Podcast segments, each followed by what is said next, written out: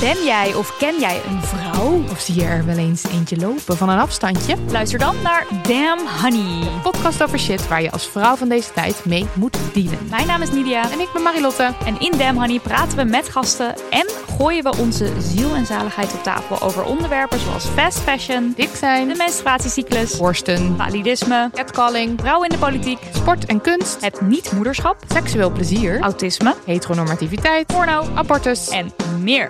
Elke zaterdag in je podcastfeed.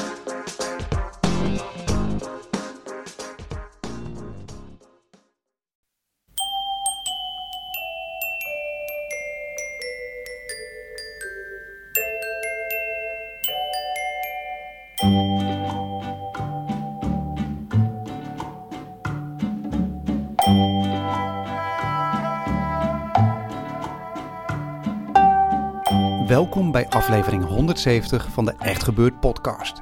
Waar waargebeurde verhalen worden verteld door de mensen die het zelf hebben meegemaakt. In deze aflevering het verhaal van Joost Nijssen. Het thema van die dag was Mediterranee.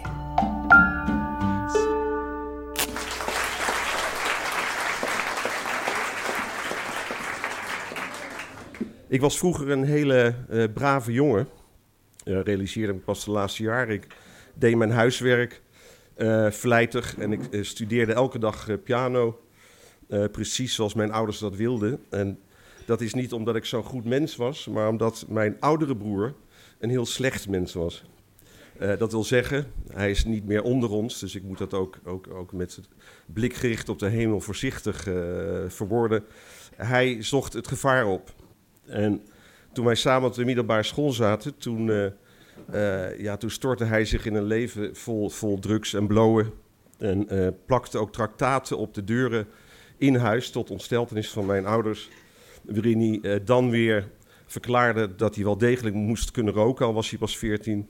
Eh, of waarin hij de voordelen en de gerechtigheden van biseksualiteit onder woorden bracht. Ik bewoog daar een beetje tactisch en diplomatiek omheen. en haalde op een gegeven moment keurig een, MAVO-diploma. Eh, gelijk met mijn oudere broer, want die, die kwam zelden op school en die was twee keer gedoubleerd. Eh, mijn ouders waren zo blij dat beide zonen hun diploma hadden, dat ze een grote reis eh, in het vooruitzicht hadden gesteld naar de Mediterranee. Wij hadden een tweedehands Oldsmobile, waarvan het dak open kon. En daarachter nog 4 meter vouwcaravan. Dus we gingen met een optocht van 10 meter gingen wij naar Saint-Raphaël, niet ver van Saint-Tropez. Eh, daar moest het gezin eigenlijk weer tot rust komen. En eh, wat ze niet wisten was dat mijn broer overigens eh, shit in zijn vulpennen had meegesmokkeld. Maar ik deed dat natuurlijk niet. Wij waren daar op die camping, we werden opgenomen in een groep jongeren. die, met wie we gingen zwemmen en, en feesten. En eh, toen kwam langzaam toch eh, in dat brave jongetje eh, dat ik was, eh, een brandend verlangen op. En dat, dat, dat eigenlijk ja, werd aangewakkerd op het moment dat we gingen zwemmen in een klein kreekje vlak bij het strand waar die camping aan lag. Een besloten kreekje waar je alleen kon komen na drie kwartier klauteren. En daar met vrienden en, en meisjes gingen we dan zwemmen in dat azuurblauwe water. Ehm, en zeeegels ontwijkend, allemaal hoogst feestelijk en vakantieachtig. Eh, en het hoogtepunt kwam toen eh, meisjes eh, gingen zwemmen eh, en de bovenstukken van hun bikini afwierpen. Giechelend. En er was één meisje die had zulke ongelooflijke mooie borsten en ik zag dat en ik werd op slag verliefd op haar. En, en ik wist toen, dit is mijn drugs. Mijn broer die gaat in onder, eh, maar ik heb het gevonden, want het is gratis en het is gezond. Eh, dus vanaf dat moment was ik een profeet van de liefde. Alleen, het kwam niet echt tot, eh, tot eh, hele intieme handelingen. Eh, een, een voorzichtige tongzoen. Maar toen we eenmaal terug waren in Eindhoven, toen, toen nam ik een tienertour. Dat is de voorloper van de Interrail. En dan kan je het land rondreizen. En ik ging wat van die vakantievrienden langs met als climax Nicole, want zo heette ze, in Baren. Zij stonden daar op te wachten. Eh, en ze zag er anders uit dan, eh, dan, dan, dan aan de zuidkust van Frankrijk. Ze had echt opmerkelijk slecht gekleed was ze. Eh, lelijke kleuren. Ze had puisten. ze rook een beetje raar, ze had een dialect plotseling, dat ik niet kon thuisbrengen. En ze vertelde opgetogen dat als ik mee zou gaan naar haar huis, dat haar vader de tatoeages die hij op zijn billen had laten zetten aan mij zou laten zien. ik heb me toen met een smoes van afgemaakt en ben teruggetraind naar Eindhoven, waar ik woonde. Dat was dus de zomer die, de, die de grote belofte in zich droeg. Pas een jaar later kon ik een herkansing krijgen.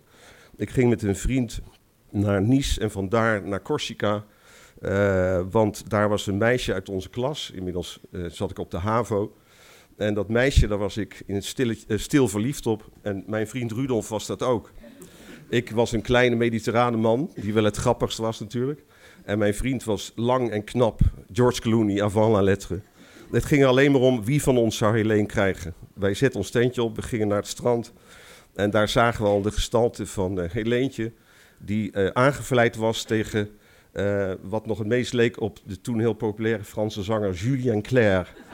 Met zwarte krulletjes, een regelmatig gebit en, en buitengewoon muzikaal. Dus tot, tot diep in de nacht uh, vleide Helentje zich tegen deze Franse uh, muzikale held. Die natuurlijk een gitaar had en daar alle chansons op wist te spelen. En eigenlijk keek Helentje helemaal niet meer naar ons. Dus toen dropen wij af, terug weer naar Eindhoven. Weer een zomer vergooid. Derde zomer zou het echt gebeuren en het bleef maar die mediterrane kant op gaan. Dat was toen ik met een stel vrienden naar, naar Tossa de Mar ging. Een populair vakantieoord net over de grens uh, van Spanje. En uh, in de trein heen, toen uh, liet Lange Jan, dat was een vriend van mij van 2 meter 6, later basketballen bij Nashua in Den Bosch geworden, liet mij een, een, eigenlijk een, een grote max verpakking met condooms zien. Dat had hij van zijn vader gekregen. Die stemde PSP, die was heel modern en de zoon moest vooral heel veel condooms mee. Dus wij als vriendenclub zaten te juichen al in de trein. En wij zouden daar aan het strand van Spanje zouden natuurlijk het hele erge doen, zoals de gepensioneerde uitgever Martin Ros het altijd noemde. Er gebeurde helemaal niets die vakantie. We hebben alleen maar hamburgers gegeten en wat kalverenliefdes beleefd. Dus dat ging weer niet goed. Toen het jaar erop, toen was ik inmiddels klaar met de middelbare school. Ik had een jaar gewerkt in een café. Ik had daar een Ford Cortina van gekocht, een tweedehands, een hele oude. En ik scheurde naar diezelfde lange Jan, die toen uh, uh, aan een bar werkte aan het strand bij Argelès-sur-Mer. Uh, ook weer dicht tegen Spanje aan. En dat was een fantastische vakantie. Ik ontmoette al heel gauw een Duits meisje, Corine, die, die met mij zoende.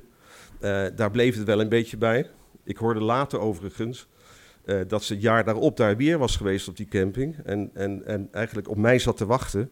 Maar ik was daar toen helemaal niet, want inmiddels had ze de pil genomen, zodat ze het eindelijk zou kunnen gaan doen. Maar die zomer dat ik er was, was dat nog niet aan de orde.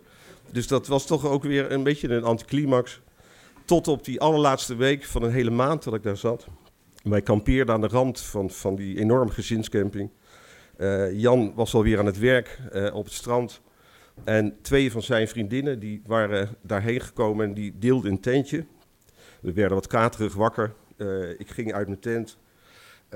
en ik zag dat zij ook de tent openritsten. En die twee hele mooie meisjeshoofden kwamen naar buiten. En ik zag dat ze zich oprichten in hun slaapzak en dat ze uh, dat ze naakt waren. En, en dat ongelooflijke visioen van die twee prachtige meisjes die naakt. En toen giechelde ze wat en toen zei ze: Joost, kom even lekker tussen ons in liggen. en ja, dat was. Ik had vier jaar moeten wachten. Maar, maar de apotheose zou, zou gigantisch zijn, natuurlijk. Dit was mooier dan, dan iedereen kan dromen.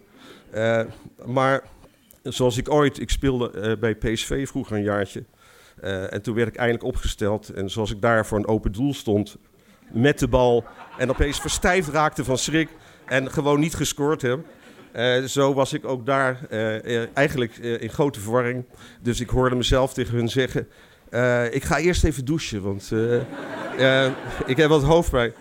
Toen ben ik naar de, de douchehokken gegaan. Dat was ongeveer zes kilometer van het tentje van En toen ik terugkwam, toen waren ze er niet meer natuurlijk. Oh, dat was mijn eerste en mijn laatste kans ook. Eh, ik ben nu nog steeds heel braaf op een, op een ongelooflijk trio. Ja, dat was, toen werd het toch wel een beetje pijnlijk natuurlijk. Ik ging terug naar Nederland. Uh, ik ging studeren in Amsterdam.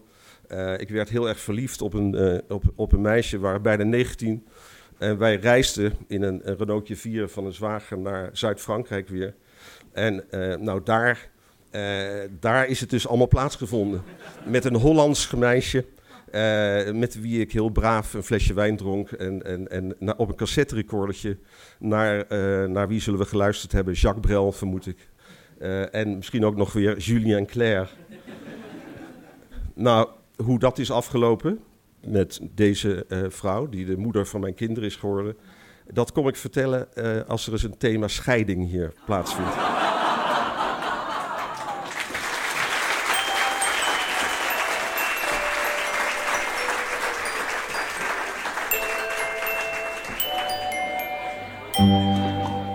Dat was het verhaal van Joost Nijssen. Joost is niet alleen de man achter uitgeverij Podium, hij staat ook op ons audioboek Echt Gebeurd Onderweg. Echt Gebeurd wordt iedere derde zondag van de maand opgenomen in Toemler onder het Hilton Hotel in Amsterdam. De komende aflevering is op 16 september. Het thema is dan Duitsland. Nou, helaas is die editie al uitverkocht, maar als jij een geweldig verhaal hebt over Duitsland of Duitsers, of misschien wel als Duitser, dan kan je nog binnenkomen. Meld je met je verhaal subiet bij info.echtgebeurd.net. De redactie van Echt Gebeurd bestaat uit Micha Wertheim, Rosa van Toledo, Paulien Cornelissen en ikzelf, Maarten Westerveen. De techniek is in handen van Nicolaas Vrijman en Gijsbert van der Wal. Dat was het. En voor iedereen die ooit nog op een camping komt en die ene tent voor zich open ziet gaan, aarzel dan niet